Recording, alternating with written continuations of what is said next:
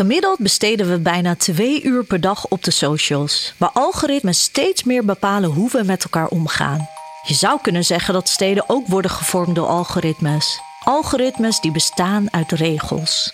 In deze podcast duiken we in de wereld van de meest opmerkelijke internationale regels en onderzoeken we of die ook hier kunnen werken, in onze eigen Nederlandse steden.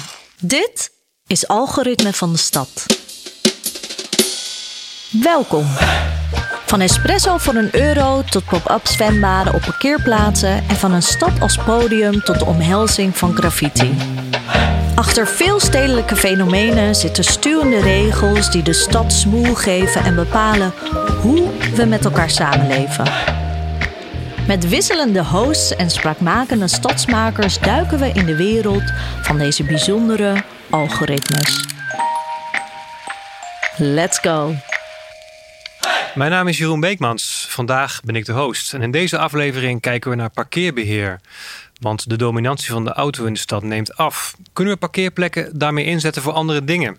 Dit doe ik samen met Arna Makcic. Wat voor gedragsveranderingen moeten we toepassen om dus ja, op een andere manier te leven en gebruik te maken van die stad die ook beter is voor het klimaat en misschien ook beter is voor onze sociale contacten en gewoon überhaupt ons sociale leven en Jesse Jorg. Weet je, want het is inderdaad een prachtig gegeven dat je gewoon wat, uh, wat geld, zeg maar, uh, koppelt aan een aan 12 vierkante meter en it's yours.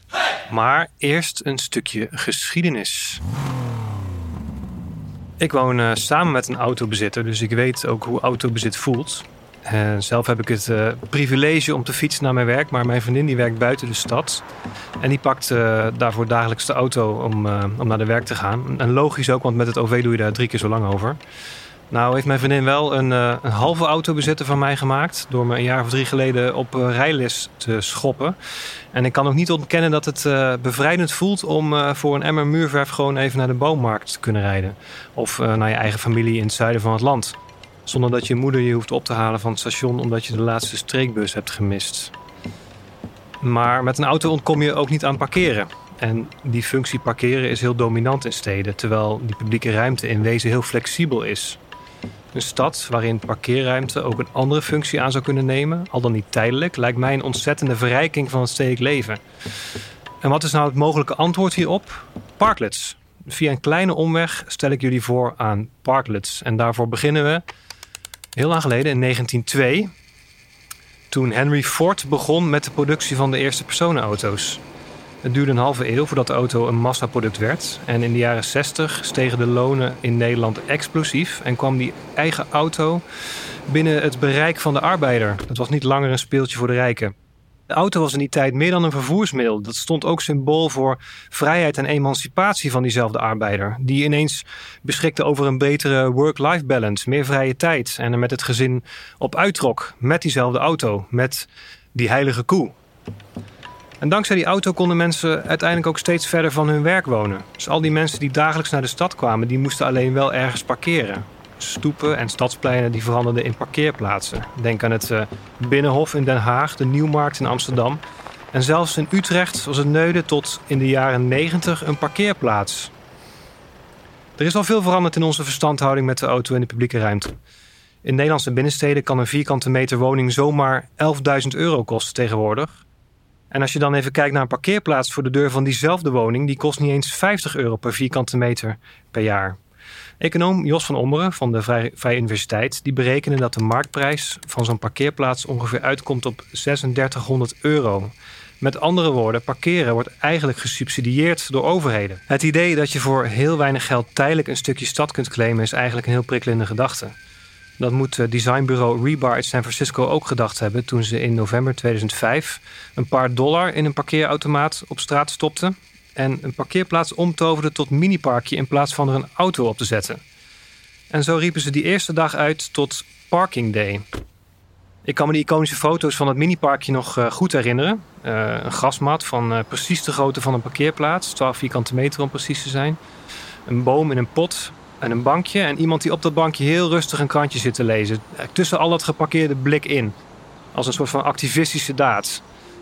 En dankzij Parking Day, dankzij die dag, zien we nu in steden overal ter wereld zogeheten parklets ontstaan. Dus installaties die parkeerplaatsen op straat transformeren in verblijfsplekken. Dat kunnen parkjes zijn, dat kunnen moestuinen zijn, maar bijvoorbeeld ook horecaterrassen. En dat zag je uh, veel in coronatijd. Veel steden omarmen de parklets, steeds meer. En toch zie je niet zoveel van deze initiatieven op straat. Wenen wilde het burgers zo gemakkelijk mogelijk maken om een nieuwe invulling te geven aan parkeerplaatsen. De gemeente lanceerde een online tool, die heet City Making Mean. En die uh, biedt stedelingen een stap-voor-stap handleiding om een parkeerplaats te claimen op straat en om te vormen eigenhandig naar een parklet. Architect uh, Juan Carlos Carvajal Bermudez stond aan de wieg van deze regeling en vertelt over het waarom. The concept of uh, city making being is exactly making policies transparent and secondly connecting the people with the right uh, authorities. So a little bit of disentangling the the jungle of regulations and bureaucracy so that people can execute or implement their ideas easily. De Citymaking website uh, toonde via een open databestand van de gemeente alle parkeerplaatsen van Wenen op een kaart. En burgers konden vervolgens heel gemakkelijk gewoon een parkeerplaats aanklikken en claimen. En diezelfde tool die begeleidde burgers zelfs bij het ontwerp en het bouwen van hun eigen parklet. Many people actually don't understand or don't know how to make technical drawings. Uh, we also developed this small tool, design tool, very rudimentary, that helps people design their own parklet. En dat leverde in heel Wenen honderden mini-parkjes op op parkeerplaatsen. Juan vertelt dat niet alleen burgers, maar ook scholen en andere organisaties een aanvraag deden voor een eigen parklet. Um, for example, there was an association, a food cooperative, that used the parklet to plant actually some tomatoes and some vegetables. And they also use the parklet in the summer as a mm, dining table, lunch table, where they consume what they produce because they were not only producing these veggies, but they were also cooking and they were also producing some meals. So, and I found it really cool, the, their concept. Nou, dat klinkt allemaal uh, fantastisch. En toch uh, zegt Juan dat er een keerzijde van die parklets is. Dat is namelijk verrommeling. Dus veel aanvragers die zijn aanvankelijk enthousiast. En die claimen vol enthousiasme zo'n parklet. En die gaan lekker aan de slag. En dan na verloop van tijd verliezen ze de aandacht voor het onderhouden van hun parklet. Nou, die regeling bestaat nog steeds. Die heet nu iets anders, Gretzel Oase. En uh, is uh, eigenlijk wat formeler geworden. Er is nu een heel scala aan nieuwe regels geïntroduceerd. Zo beslist een jury welke parklets een vergunning krijgen en welke niet. Zijn parklets alleen tussen maart en november toegestaan? En is een commerciële functie uh, niet toegestaan? En moet je zelf in de straat wonen waar je een parklet wil aanvragen? Daartegenover staat dat aanvragers een beroep kunnen doen op financiële ondersteuning vanuit de gemeente. Rafaella woont in uh, Wenen en die vroeg een parklet aan in haar eigen straat. We lived in a street that was already quite green and there were a lot of trees, but you couldn't really use the street. We wanted to make use of the street and like uh, be able to sit under the tree and not always look at parked cars there because it was uh, were always the same cars. Like they they didn't even use the cars. It's uh, all made out of wood Uh, and we used um, pallets um, for the fence because you also have to use a fence uh, to be separate from the cars because uh, you have to actually you have to uh, meet um, a lot of uh, security measures as well. And then we painted it. Um, the fence we painted, the rest we didn't. Um, green, so that it would all yeah be a more livable um, space. We also put some like beach chairs there uh, that you can um, put together and put into one of the benches. But we also have like um, umbrellas for the sun because it can also get really hot. And then we put a um, in the first year actually we didn't put that many plants because we were already so exhausted from building it that we just put um, yeah some pots uh, on the fence like you, you could hang them on the fence but right now it, it looks like a little forest because everybody that uh, wanted to get rid of plants in the street or didn't have enough space anymore put them there. So it's really nice. Now it's like a yeah it's like a jungle Wat Wenen eigenlijk heel goed heeft gedaan, is het heel simpel, inspirerend ook en toegankelijk maken van een uh, tamelijk bureaucratische regeling. Ervoor te zorgen dat zoveel mogelijk mensen een weg vinden naar die, uh, die Parklet tool, die online uh, omgeving. En zelf een Parklet kunnen aanvragen, een parkeerplaats claimen en, en hun plan kunnen uitvoeren. En dan merk je eigenlijk dat goede communicatie cruciaal is voor het doen slagen van zo'n regeling. Dus om het toegankelijk te maken. Ik denk dat, uh, dat Raffaella de opbrengst van zo'n regel uh, heel mooi samenvat.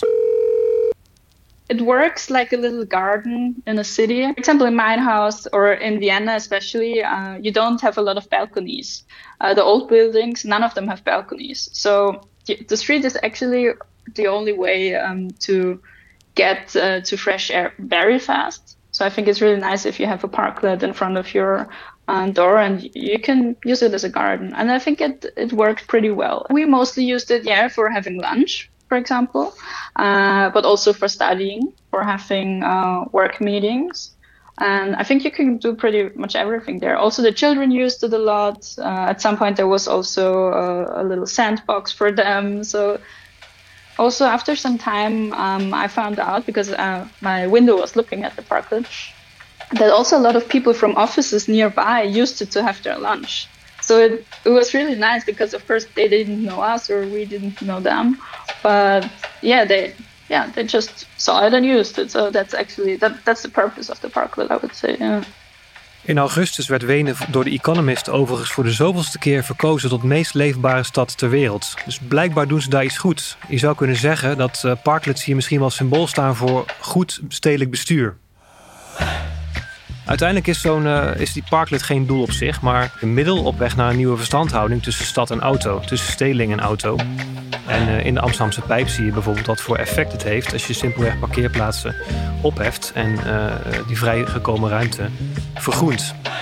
Aan tafel zitten Arna Makcic, architect en medeoprichter van Studio LA. En het voormalige hoofd Architectural Design van de Gerrit Rietveld Academie. Ze schreef ook het boek Mortal Cities and Forgotten Monuments over de betekenis van nieuwe architectuur en de symbolen voor het herenigen van bewoners na grote verwoestingen van een stad, zoals in Bosnië, waar ze oorspronkelijk vandaan komt, maar moest ontvluchten tijdens de burgeroorlog. En we hebben hier ook Jesse Jorg, oprichter van We The City en hoofd Impact bij RAM. Hij is initiatiefnemer van onder andere het Bankjescollectief en Roef, waarmee hij zich richt op het gezamenlijk verbeteren van de publieke ruimte. Even om uh, een introductievraagje voor jullie. Hebben jullie zelf eigenlijk een uh, parkeerplaats met een uh, prachtige bolide voor de deur? Ik wel. Ik woon tegenwoordig in een, in een huis met een carport. Zo waar. Een echte carport. Doe ja. maar. Dus hij staat nog droog ook. Ja. Ben jij, ben jij nou verslaafd aan je auto? Ben je verknocht aan? Of zou je kunnen zeggen van nou, ik vind het ook prima om afstand van te doen? Nou, ik heb een beetje met mezelf afgesproken. Ik heb twee jonge kinderen. Dat uh, als de jongste acht is, dan doe ik de auto weg. Want met kleine kinderen en alles wat erbij komt kijken, vind ik het wel echt heel fijn. En die autostoeltjes die je steeds moet meenemen en zo bij uh, autodelen, dat, dat, dat zie ik gewoon niet zo zitten. Maar uh, als die tijd achter ons ligt, dan zou ik het heerlijk vinden, zeg maar, om gewoon uh, aan autodelen te gaan doen. En ik denk ook dat tegen die tijd het allemaal nog beter georganiseerd is en nog, fijntje, nog fijner georganiseerd is. Dus dat, dat de stap ook nog makkelijker wordt. Ja, nou goed, aan die belofte ga ik je houden. Over acht jaar kom ik bij je terug. Yes. En uh, Arna? Um, nee, uh, wij hebben geen auto. Ik heb ook geen rijbewijs. Uh, we wonen in een buurt, eigenlijk in de jaren zeventig gebouwde buurt met heel veel sociale huurwoningen en een appartementenblok van ja, vier verdiepingen. Um, met rondom parkeerplaatsen heen gebouwd, zeg maar. Echt grote parkeerplaatsen. En um, ja, het is best wel een gekke omgeving, omdat er dus heel veel plek is voor parkeerplaatsen, heel weinig plek voor stoep. Er zijn geen plekken om je fiets um, neer te zetten. dus ja, ik merk zelf ook bijvoorbeeld, mijn jongste kind kan, uh, kan nog niet lopen. dus die moet ik elke keer naar beneden tillen. En nu heb ik uh, nadat ik een keer ruzie heb gehad met een autobezitter van het blok. Uh, want ik mocht mijn fiets niet op een bepaalde plek neerzetten van hem. Heb ik nu een plek voor mijn fiets gevonden voor de deur aan een paal. Waar ik mijn kind dan zo, zo in het fietsstoeltje kan zetten. Zonder hem heel ver weg te dragen. Um, maar ja, dus wij zitten eigenlijk een beetje in een soort strijd tussen autobezitters en uh, fietsbezitters. Zijn er, ja. veel, zijn er veel mensen bij jou in de buurt die, die afhankelijk zijn van de auto? Ja, heel veel. Ik denk sinds wij er wonen en uh, we een van de weinige bewoners zijn, denk ik, die ook heel bewust ervoor kiezen om uh, uh, geen auto te hebben. Maar dan merken we wel van ja, wij kunnen gewoon onze fietsen nergens kwijt. Daar is gewoon, er is gewoon geen enkele fietsenrek. Gewoon geen één. Um, dus ja, hoe doe je dat? Dus je ziet dat heel veel, bijvoorbeeld ook studenten die er wonen, die plaatsen hun fiets dan op de smalle voetpaden. En de voetpaden zijn denk ik 1,20 breed, 1,20 meter, dus heel smal. Uh, en dat levert gewoon heel veel frustratie op bij autobezitters die denken van ja, maar je hebt toch een uh, kelderbox, daar kan je je fiets toch prima in doen. Uh, waarom moet dat op straat? Terwijl ik denk, ja, waarom moet jouw auto voor de deur? Ja, ja. ja, ja, ja. op drie meter afstand van de voordeur. Precies, ja. ja. Maar zo'n zo regeling in Wenen, wat, wat vinden jullie daarvan? Ik vind dat super interessant. Ik ben heel erg gegrepen door verschillende initiatieven die gaan over het uh, terugdringen van uh, de auto in de publieke ruimte. En de voorbeelden die je geeft in de pijp bijvoorbeeld. Je ziet hoe groot verschil het maakt als de auto veel minder dominant is in die kleine straatjes. En dat er veel meer groen is. Het, het, het, het maakt het uh, er doorheen wandelen gewoon zo'n fijne ervaring. En dat kun je zeggen op, op, op heel veel. Je kunt dat uh, bij heel, op heel veel verschillende manieren ook bezien. Dus het is en nodigt het veel meer uit tot ontmoeting, tot een bankje buiten zetten. Um, en het is gewoon een hele fijne uh, omgeving om in te zijn. Het is ook heel goed voor de biodiversiteit. Als het, uh, een, als het echt groen gaat worden, zeg maar. Dus je hebt ook andere initiatieven die een beetje hetzelfde doel hebben. Zoals Leefstraat, wat uit Gent komt. Daarin kun je zeg maar twee, drie maanden tijd kun je je hele straat zeg maar helemaal leegvegen. Samen met buurtbewoners hè, die in dezelfde straat wonen. Ja, dus dan, dan is er helemaal geen auto, zeg maar, voor een uh, best een lange periode. En dan verandert die straat zo ongelooflijk sterk van karakter. En je ziet dat er ineens allemaal picknickbanken zeg maar, buiten komen te staan. Mensen zitten gewoon te de boelen. En het, het hele idee zeg maar, van waar een straat voor bedoeld is, dat verandert. En die verbeelding van wat er allemaal mogelijk is, dat is volgens mij een heel sterk iets. Zeker als je het samen op lokaal niveau met elkaar moet doen. Ik denk dat daar al heel, heel veel potentie ligt. En ik vind het ook heel charmant, zeg maar, dat je als gemeente in dit geval uh, bewoners uitnodigt om iets te doen. En dat je het niet oplegt. Er is niet van tevoren bedacht van dit moet hier gebeuren, in het geval van Leefstraten. Maar er wordt een uitnodiging en een hand, uh, handreiking gedaan. Er is een mogelijkheid om. En het is vervolgens aan bewoners, zeg maar, om dat wel of niet te doen slagen. En dat is best moeilijk. En daar is nog best wel veel over te zeggen. Ja. En ik denk dat het, wat je ook al aangeeft, zeg maar, dat het voorbeeld in Wenen een heel goed voorbeeld is, omdat er heel erg veel nadruk gelegd is ook op de communicatie en de handreiking en hoe, hoe, hoe je mensen meeneemt, zeg maar, in iets wat best wel lastig ook is. Het transformeren van een parkeerplaats. Ik bedoel, hoeveel mensen hebben daar ervaring mee? Dat is gewoon best een, een nieuw gegeven eigenlijk. Dus dat moet je wel allemaal kunnen organiseren enzovoorts. En dat is natuurlijk in de regel vaak iets wat dan een beetje blijft hangen, zeg maar, bij zij die dat netwerk hebben, die dat kunnen, die de wegen kennen naar geld. Als ik jou zo hoor, Arna, dan denk ik, jij woont in een wijk waarin, waarin heel veel mensen juist heel afhankelijk zijn van die auto, waarbij misschien zo'n prachtige vergroening als die, die je in de Amsterdamse pijp ziet, nog even iets verder weg ligt. Ja, nee, zeker. En ik denk dat inderdaad, als je wil dat, dat mensen die zo afhankelijk zijn van de auto, dus daar anders over na gaan denken of zich anders tot die auto gaan verhouden, dan moet er dus nog veel meer gaan veranderen in de manier waarop dan zo'n stadsdeel is opgezet, wat voor voorzieningen er zijn en um, ja, toegang tot openbaar vervoer. Uh, dus, dus dat is een veel grotere verandering. En ik denk dat ik vind zo'n experiment of zo'n initiatief in Wenen vind ik super interessant, maar Um, ik vind het, aan, ik vind het interessant omdat het zeg maar, het is een experiment en je kan inderdaad verbeelden, ja, wat, wat levert het allemaal op, zeg maar, wat, wat voor moois levert het ons allemaal op. Maar ik vind wel problematisch daaraan dat het initiatief dan tegelijkertijd wel heel erg bij de burger ligt. Um, en veel minder bij een overheid of een gemeente. Uh, want daardoor ja, heb je eigenlijk een over. Tenminste, naar mij, naar mij straalt dan een boodschap uit van ja, we hebben een overheid en gemeente met niet echt een visie hierop, maar ze staan het wel een beetje toe. Dus het, voelt een beetje als van nou, als jullie burgers dat leuk vinden en uh, initiatief willen nemen, daar tijd voor hebben, doe maar. Um, terwijl we eigenlijk allemaal weten dat hoe steden zich moeten gaan verhouden tot de auto, dat eigenlijk in de toekomst radicaal moet veranderen. En als we die verandering niet nu of de komende tijd in gang gaan zetten, dan uh, ja, dan wordt het straks wel een hele harde verandering, zeg maar. Ja, ja. Ah, dat is grappig. Ik denk juist dat het heel erg mooi aanvullend kan werken. Dus dat de mensen die al helemaal, die dat al helemaal voor zich zien, die kunnen daar al stappen in nemen. En dat is niet een, uit, een soort van. Die, die regel bestaat natuurlijk niet in een soort van subliminal isolation. Dus er zijn natuurlijk allemaal andere regels waar een gemeente zeg maar ook al eh, mee aan het sturen is. Maar als je dat zeg maar aan elkaar koppelt en heel veel verschillende mogelijkheden geeft, ik denk dat dat heel erg interessant kan zijn bij elkaar.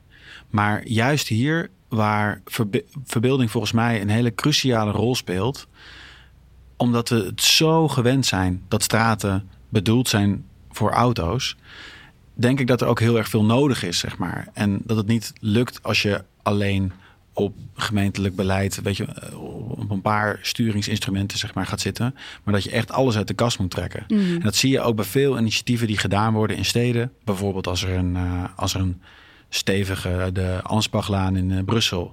Dat was een zeer autodominante straat in het centrum van Brussel. Die werd vrij radicaal ineens autovrij gemaakt. Nou, dat riep zo en zo, zo ontzettend veel emotie op bij mensen. Mhm.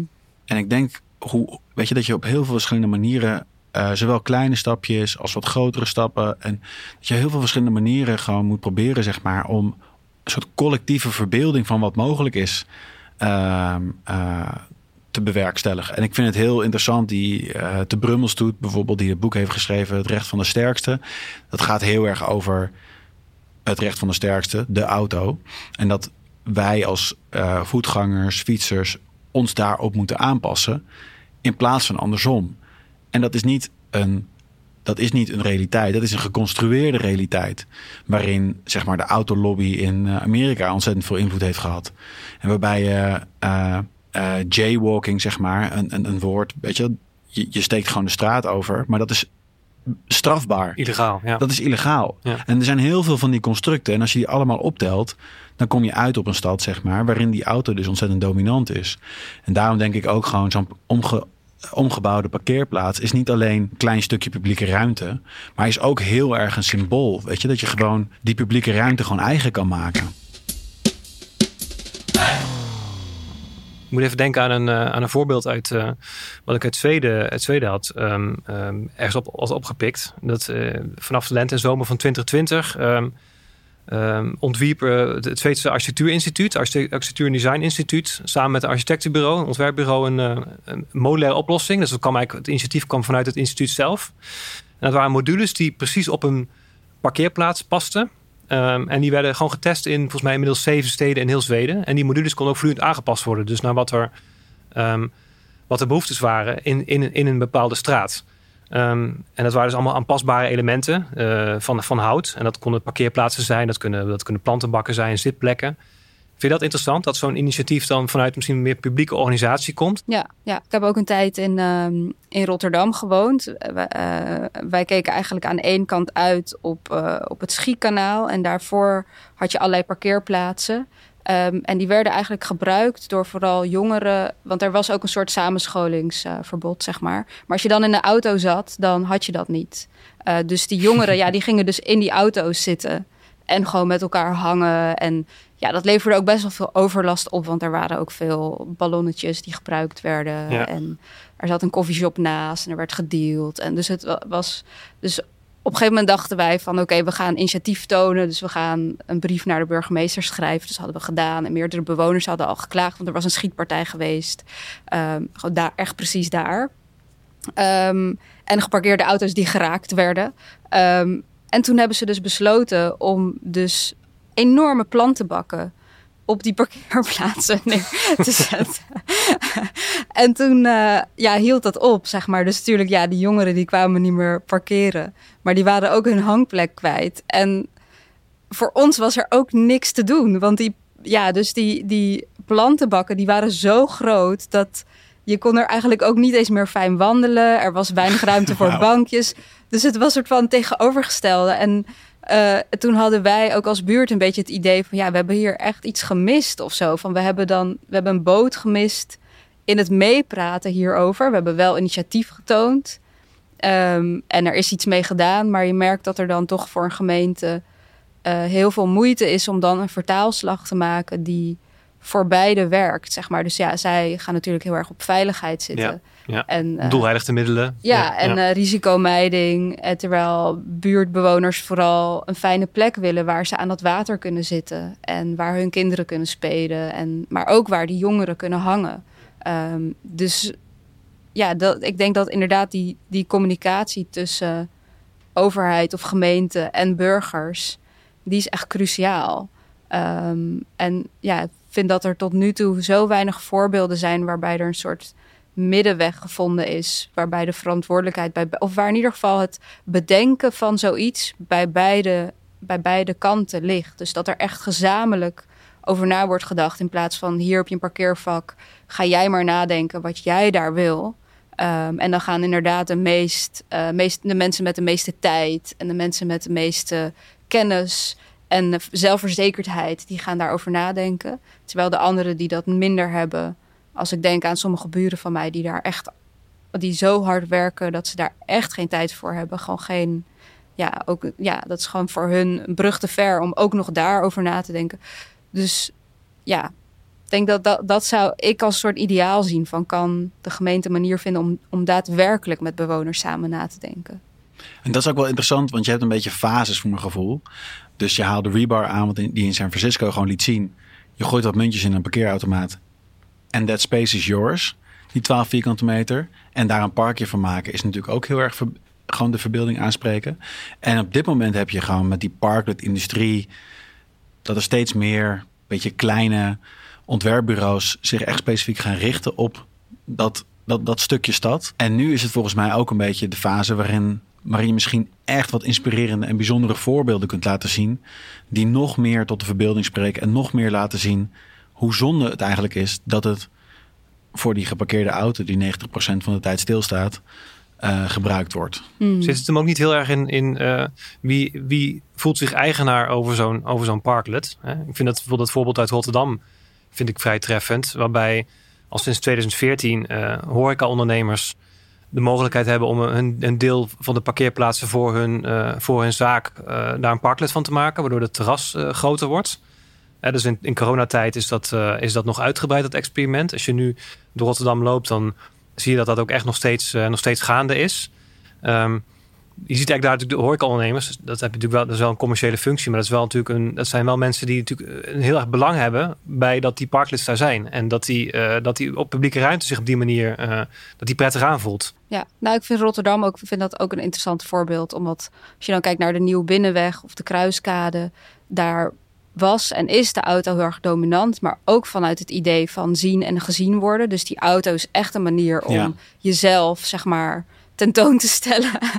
dus inderdaad plekken maken langs de, langs de weg waar die auto's rijden, waar je op een terras kan zitten om daar naar te kijken. Ja. ja dat, dat past zo erg bij Rotterdam. pra praalwagens. Ja. ja. En het is ook wel interessant, want dit voorbeeld gaat ook even over flexibel in het jaar ja, gebruik precies. maken van die seizoens. Ja, ja, ja, ja, En dat vind ik itself gewoon gewoon helemaal los van dit onderwerp vind ik al heel erg interessant. Dat de publieke ruimte zeg maar een andere functie kent zeg maar in de winter dan in de zomer. Ja. Dat kun je ook nog tot veel meer extreme vormen uh, uh, uitrekken, denk ik. Ja. Maar die parkeerplaats, again, is weer een heel tof experimenteerveld. Ja. Want in Wenen is het ook gewoon uh, seizoensgebonden. Ja, klopt. Ja, daar, gaat, daar gaan de parklets een opslag van de gemeente in, in de, in de winter. Ja. Als je dan dus je parklet niet meer wilt, dan uh, biedt de gemeente hem aan aan uh, iemand anders die ook een parklet wil, maar niet de, de tijd of de kennis om er eentje te bouwen. Dus dat is op zich wel interessant, denk ik. En dan toch naar parkeerplaatsen kijken. Eigenlijk is een parkeerplaats een ultiem flexibel dingetje. Hoewel 90% van de auto's lang parkeerders zijn. Die staan langer dan 12 uur. Maar toch, een parkeerplaats is eigenlijk een heel flexibel stukje publieke ruimte. Dan is het eigenlijk heel bizar dat zo'n de regels voorschrijven dat de functie daarvan zo ontzettend vast ligt. Hè? Ik ben dus ook wel benieuwd wat er gebeurt als je dus hier um, uh, in Utrecht of, of, of elders een parkeerplaats. Nou ja, dus, dus gaat betalen voor een parkeerplaats en er iets anders mee gaat doen. Of dat. Ik weet niet hoe tot hoever die regels reiken. Dat vraag ik me, zeer, vraag ik me echt zeer af. Weet jij dat? Weet nou, dat? Ik, ik, ben, ik ben zelf ambtenaar geweest. En ik weet zeg maar dat binnen de gemeente werken natuurlijk ontzettend veel mensen. En er zijn verschillende stromingen, zeg maar, die er ook op een andere manier naar kijken. En je hebt afdeling beheer. Die is in de regel best wel conservatief. maar je hebt de, de mensen die het beleid maken. Die zijn juist heel erg, die zijn heel vaak, uh, proberen die mensen heel erg aan te moedigen om dit soort gedrag te vertonen. Ga maar, ga maar je bemoeien met die publieke ruimte. Doe maar dingen. Weet je, dat dat, dat, dat voorbeeld in Rebar zo uitzonderlijk is, ja. is ergens ook wel weer raar. Ja. Weet je, want het is inderdaad een prachtig gegeven. Dat je gewoon wat, eh, wat geld, zeg maar, eh, koppelt aan een aan 12 vierkante meter. En it's yours. Ja. Tijdelijk. Dat is gewoon eigenlijk een heel, heel, heel tof en grappig idee. Ja. En je hebt ook van die standaard eh, containers, van die afvalcontainers die omgebouwd zijn tot zwembad. Ja, kun je niet gewoon een zwembadverhuurbedrijf beginnen? Zodat je, zoals je die, die springkastelen ook hebt, dat je die gewoon neer, neer- neertakelt en ja, is voor jou een dag, een weekend, een week, wat je Ja. wil. ja. Kennen jullie dat voorbeeld trouwens van, eh, van die kunstenaar die op een gegeven moment besluit om eh, dus wel eh, geld in de meter te gooien en dan een parkeerplaats te claimen, maar er dan een, een, een tent in de vorm van een auto opzet waar, Ja. die, waar die in slaapt? Oh ja, ja. Geweldig. Ja, precies. Ja, maar dat is. Maar het is heel erg spelen met die gedachte. Het komt allemaal voort uit dezelfde soort van fascinatie. Ja. Je gooit muntjes in de automaat en it's yours. ja, ja, weet je. ja. Doe, doe maar Een gekkigheid. stukje publieke ruimte gehuurd. Ja. Ja, en, nu, en nu is het van mij. Ja, precies. Ja. En dan ook nog refereren aan die auto. Maar gaat het niet uiteindelijk wel echt om een gedragsverandering bij Ja. mensen? Ook zeg maar breder, dus niet alleen maar over hoe eigen ik de publieke ruimte toe, maar meer, ja, wat is überhaupt goed voor ons en voor het klimaat? En wat voor gedragsveranderingen moeten we toepassen om dus ja, op een andere manier te leven en gebruik te maken van die stad die ook beter is voor het klimaat, en misschien ook beter is voor onze sociale contacten en gewoon ons, überhaupt ons sociale leven. Ja. Maar ik vind het altijd mooi als hele abstracte, stevige noties gevat kunnen worden in iets heel simpels. Hmm. En in dit geval is, is die symboliek van deze ruimte is even niet voor de auto, maar Mhm. voor andere doeleinden. En precies dat, weet je, van oké, Mhm. en, en de, wa- wat zou het dan allemaal kunnen zijn? Daar zit heel veel in. Want daar zit bijvoorbeeld in van, weet je, die ruimte die kan ook bedoeld zijn voor, voor de dieren, voor waterafvang, voor. Je, je kunt natuurlijk ontzettend wild gaan op wat het allemaal eh, zou kunnen zijn in plaats van. En dat die ruimte vrijkomt en dat dat soort van gedachte triggert. Dat, dat, dat, dat, vind ik er zo lekker aan. Ik vind dat de Jan Gill zeg maar, dat heel mooi heeft gezegd. Dat we in een tijd leven die je zou kunnen duiden als de renaissance van de stad. Waarin de auto gewoon veel minder dominant is. En daarmee, of wordt, langzaam wordt. Eh, waarbij er dus veel meer ruimte weer is zeg maar, voor, voor de mens. Mhm. Ehm, nou, dat, dat is eigenlijk het grotere plaatje. En daarin kun je eh, heel erg sturen, zeg maar, als stad. Dan heb je heel veel knoppen waar je aan kan draaien. Dus de maximumsnelheid die nu verlaagd wordt in veel binnensteden naar 30 km per uur. De parkeernorm, zeg maar. En dat mensen, zeg maar, die nu sociale huurwoningen eh, gaan wonen, voor een deel, zeg maar, helemaal geen aanspraak kunnen maken op een parkeervergunning. Omdat die gewoon dicht gelegen is bij een eh, OV-knooppunt. Nou, en zo heb je nog een heel veel andere knoppen waar je aan kan draaien. Mhm. Ik wil even Rafaela nog erbij halen, want die, eh, die zegt ook dat, eh, dat hebben in, haar, in de, de ideeontwikkeling voor haar parklet, dat ze in eerste instantie heel veel ehm, weerstand voelde vanuit de bewoners van haar, ehm, van haar appartementencomplex. Boze buren die helemaal niet zagen zitten dat zij, dat zij die parklet begon. En ehm, dat vind ik eigenlijk wel interessant, want dan wordt ineens een, een, een discussie over wat, wat een parkeerplaats moet zijn, wordt ineens wel, wordt ineens wel op, op straatniveau gevoerd, hè, direct. it's quite weird how people can react to something like that because most people react really positive but some people are just i don't know yeah i mean some of the people that were mad at us with the because of the parking lots or because we didn't ask them before um, they didn't use it the first year but afterwards they did so i would say we won Klinkt bijna als een oorlog die je moet winnen. Zo van cultuuroorlog over wat een, wat een parkeerplaats moet zijn. Volgens mij moet het dat ook weer, ook weer niet zijn. Maar ik heb ook veel voorbeelden van mensen die voor wie het juist heel makkelijk was. En die Ja. er verbaasd over waren hoe makkelijk het was eigenlijk om die handtekeningen te verzamelen. Maar wat ze daarbij zegt, Rafaela, dat het na verloop van tijd, zeg maar, de situatie anders maakt. Zeker. Dat is heel interessant. Want dat is precies wat in heel veel eh, van dit soort gevallen, die gaan over auto's, eh, steeds weer de kop op doet. Dus ook bij winkelstraten waar, waar veel auto's komen, al die winkeliers zijn in eerste instantie vaak tegen ehm, de mogelijkheden voor die auto's minder maken. Maar als het gebeurt, is vaak de omzet zeg maar veel, eh, eh, die gaat omhoog. Ja. Dat heeft gewoon te maken omdat het gewoon een fijnere omgeving is om te winkelen. Ja. En dat, dat, datzelfde gegeven zie je constant weer. Ja. Dus het beleefbaar maken en mensen ook in laten zien van nee, ik was toen tegen, maar nu maak ik er gebruik van. Dat is echt een, een ervaring, zeg maar, die je echt meeneemt in, in, in, eh, in, in het kijken naar de toekomst. In Zuid-Korea, in uh, Suwon stad, daar hebben ze een aantal jaar geleden uh, een heel uh, rukzichtloos experiment gedaan. Hè. Ze hebben in één wijk van die stad hebben ze 1500 auto's van straat gehaald voor een maand lang. Dus gewoon was verboden voor auto's. Die hele wijk was afgegrendeld eigenlijk. En wat, wat ik eigenlijk wel leuk, leuk vind aan wat dat heeft opgeleverd, eigenlijk door een steen in de vijver te gooien, merk je dat er nu nog steeds blijvende resultaten zijn. Dus, dus vandaag de dag zijn er nog steeds in heel veel, heel veel, in heel veel straten geen parkeerplaatsen. De snelheidslimiet is overal naar beneden gebracht. is 30 km per uur geworden. Er zijn nog steeds autoloze weekeindes. Dus dat is blijkbaar blij, blij, geen maand meer, maar nog steeds weekeindes.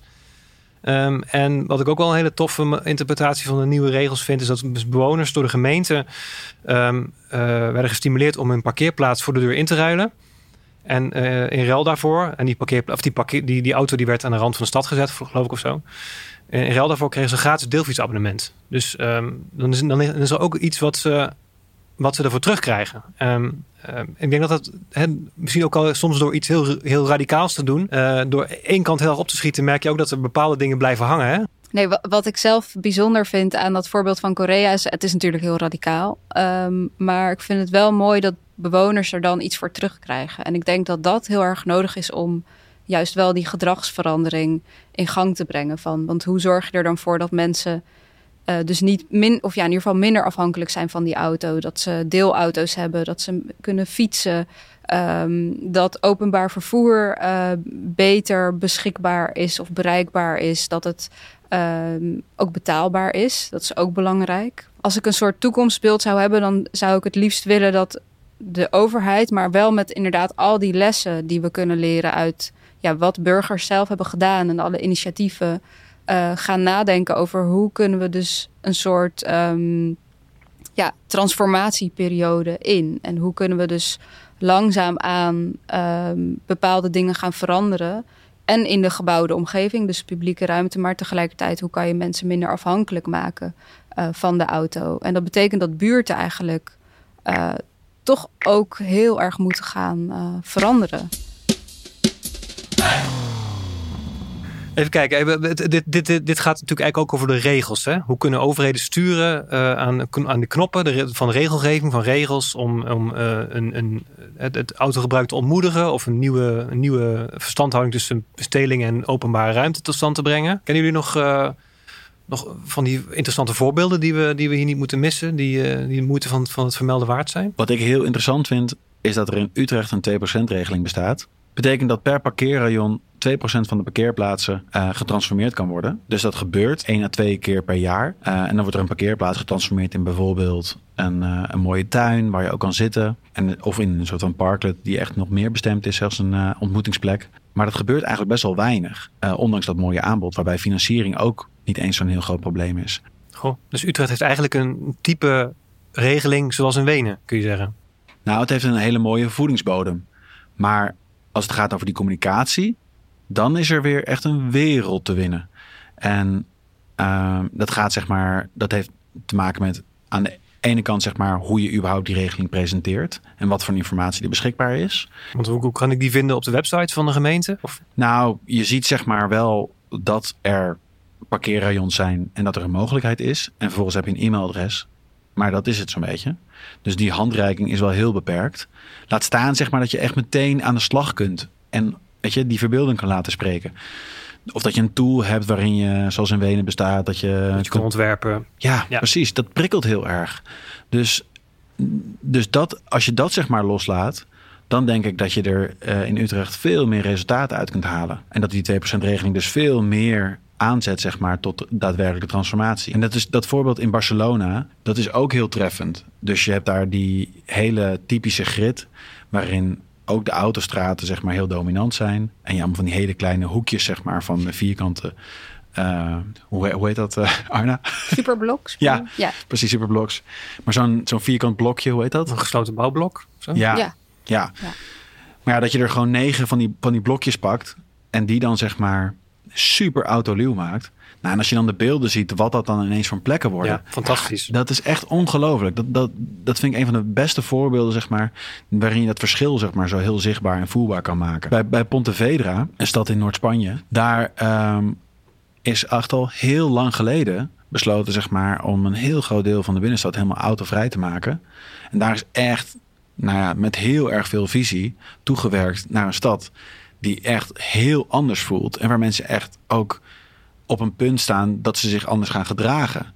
Dat er gewoon minder hard gesproken wordt. Is door een journalist, zeg maar, eh, een soort van eh, ervaren dat, dat, dat de mensen in Pontevrede minder hard spreken. Omdat het autogeluid, zeg maar, veel minder dominant is. Oh, Oh, wauw. wat grappig, ja. Ja, en dat, en dat soort, weet je, Ja. dat, dat soort verschijnselen. En dat mensen minder haast ervaren. En weet je, dat soort dingen die, die je pas ervaart als het inderdaad in een vergevorderd stadium zit. ja. Die zijn wel echt buitengewoon interessant. Ik denk ook zo'n wijk als ehm, Molenwijk in Amsterdam-Noord, waar je allerlei flats hebt van zo'n 12 verdiepingen. eh, waar ook soort parkeer, ja, torentjes tussen staan. Dus alle auto's die zijn daarin geparkeerd en niet op straatniveau. Waardoor je alleen maar groen hebt. Overal om je heen, aan alle kanten. Met fietspaden er doorheen en voetpaden. En ja, dat is zo'n fijne publieke ruimte. En toch zie je dat in heel veel van dat soort wijken. Want Mo- Molenwijk was, stond symbool, of eh, was de blauwdruk voor de Bijlmer. Hè? Ja. En de, ook een wijk als Overvecht. Zie je dat ook wel weer ehm, heel veel investeringen worden gedaan om juist die gescheiden verkeersstromen weer eigenlijk strak te trekken. Hè? Of pla- plat te maken. Dat, dat, dat, dat, dat, dat, mensen, dat ze elkaar weer tegenkomen. Ja, ja. Ja, en ik heb zelf in Zoetermeer in zo'n wijk gewoond met eh, dus flats van 12, 13 verdiepingen. Ook een beetje Bijlmer-achtige structuur. Mhm. Maar daar, zat, daar had je gewoon enorme parkeerplaatsen inderdaad voor de flat. Dus Ja. aan de voorkant had je parkeren, aan de achterkant had je groen. Ehm, maar ja, beide was eigenlijk van niet zo'n heel goed niveau. Maar als je dan besluit van ja, alles is groen, dan moet je dus ook dat groen gaan inrichten en gaan over na gaan denken van hoe, wat, wat voor type groen is dat dan? En wat kan je daar dan doen? Ja. En dat vind ik nu in Molenwijk echt super goed gelukt.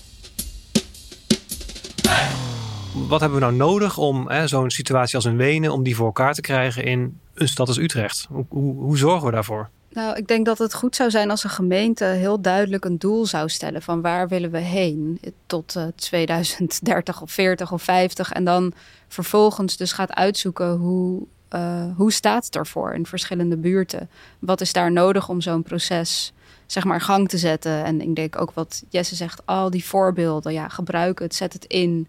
Ehm, maar ook heel duidelijk, ja, bijna campagne voeren. Mensen gaan uitleggen waarom het belangrijk is. Eh, en, en gesprekken aangaan op welke manier dat mogelijk zou kunnen zijn. Maar ik denk dat ja, de gemeente echt een heel duidelijk doel moet stellen. Het is, en ik denk dat dat ook nodig is. Want we moeten ook echt wel naar een toekomst waarin die auto heel minimaal aanwezig is. Eh, en dan moet je duidelijke keuzes maken. En eigenlijk moeten we juist nu daar, nu daar heel erg op inzetten.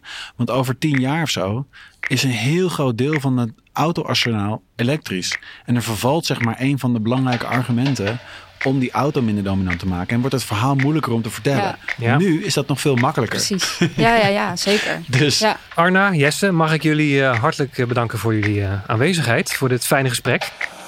Je luisterde naar Algoritme van de Stad, een podcast van Raum.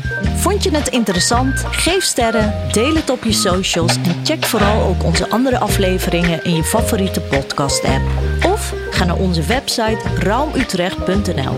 Wil je op de hoogte blijven? Abonneer je dan op de podcast of word lid van de nieuwsbrief van Raum. En heb je zelf ideeën voor nieuwe afleveringen of wil je graag experimenteren met regels? Mail ons op info.raumutrecht.nl. Algoritme van de stad kwam tot stand door onze fijne partners, Stimuleringsfonds voor Creatieve Industrie en Corporatiefonds Berlijnplein. Dank voor het luisteren.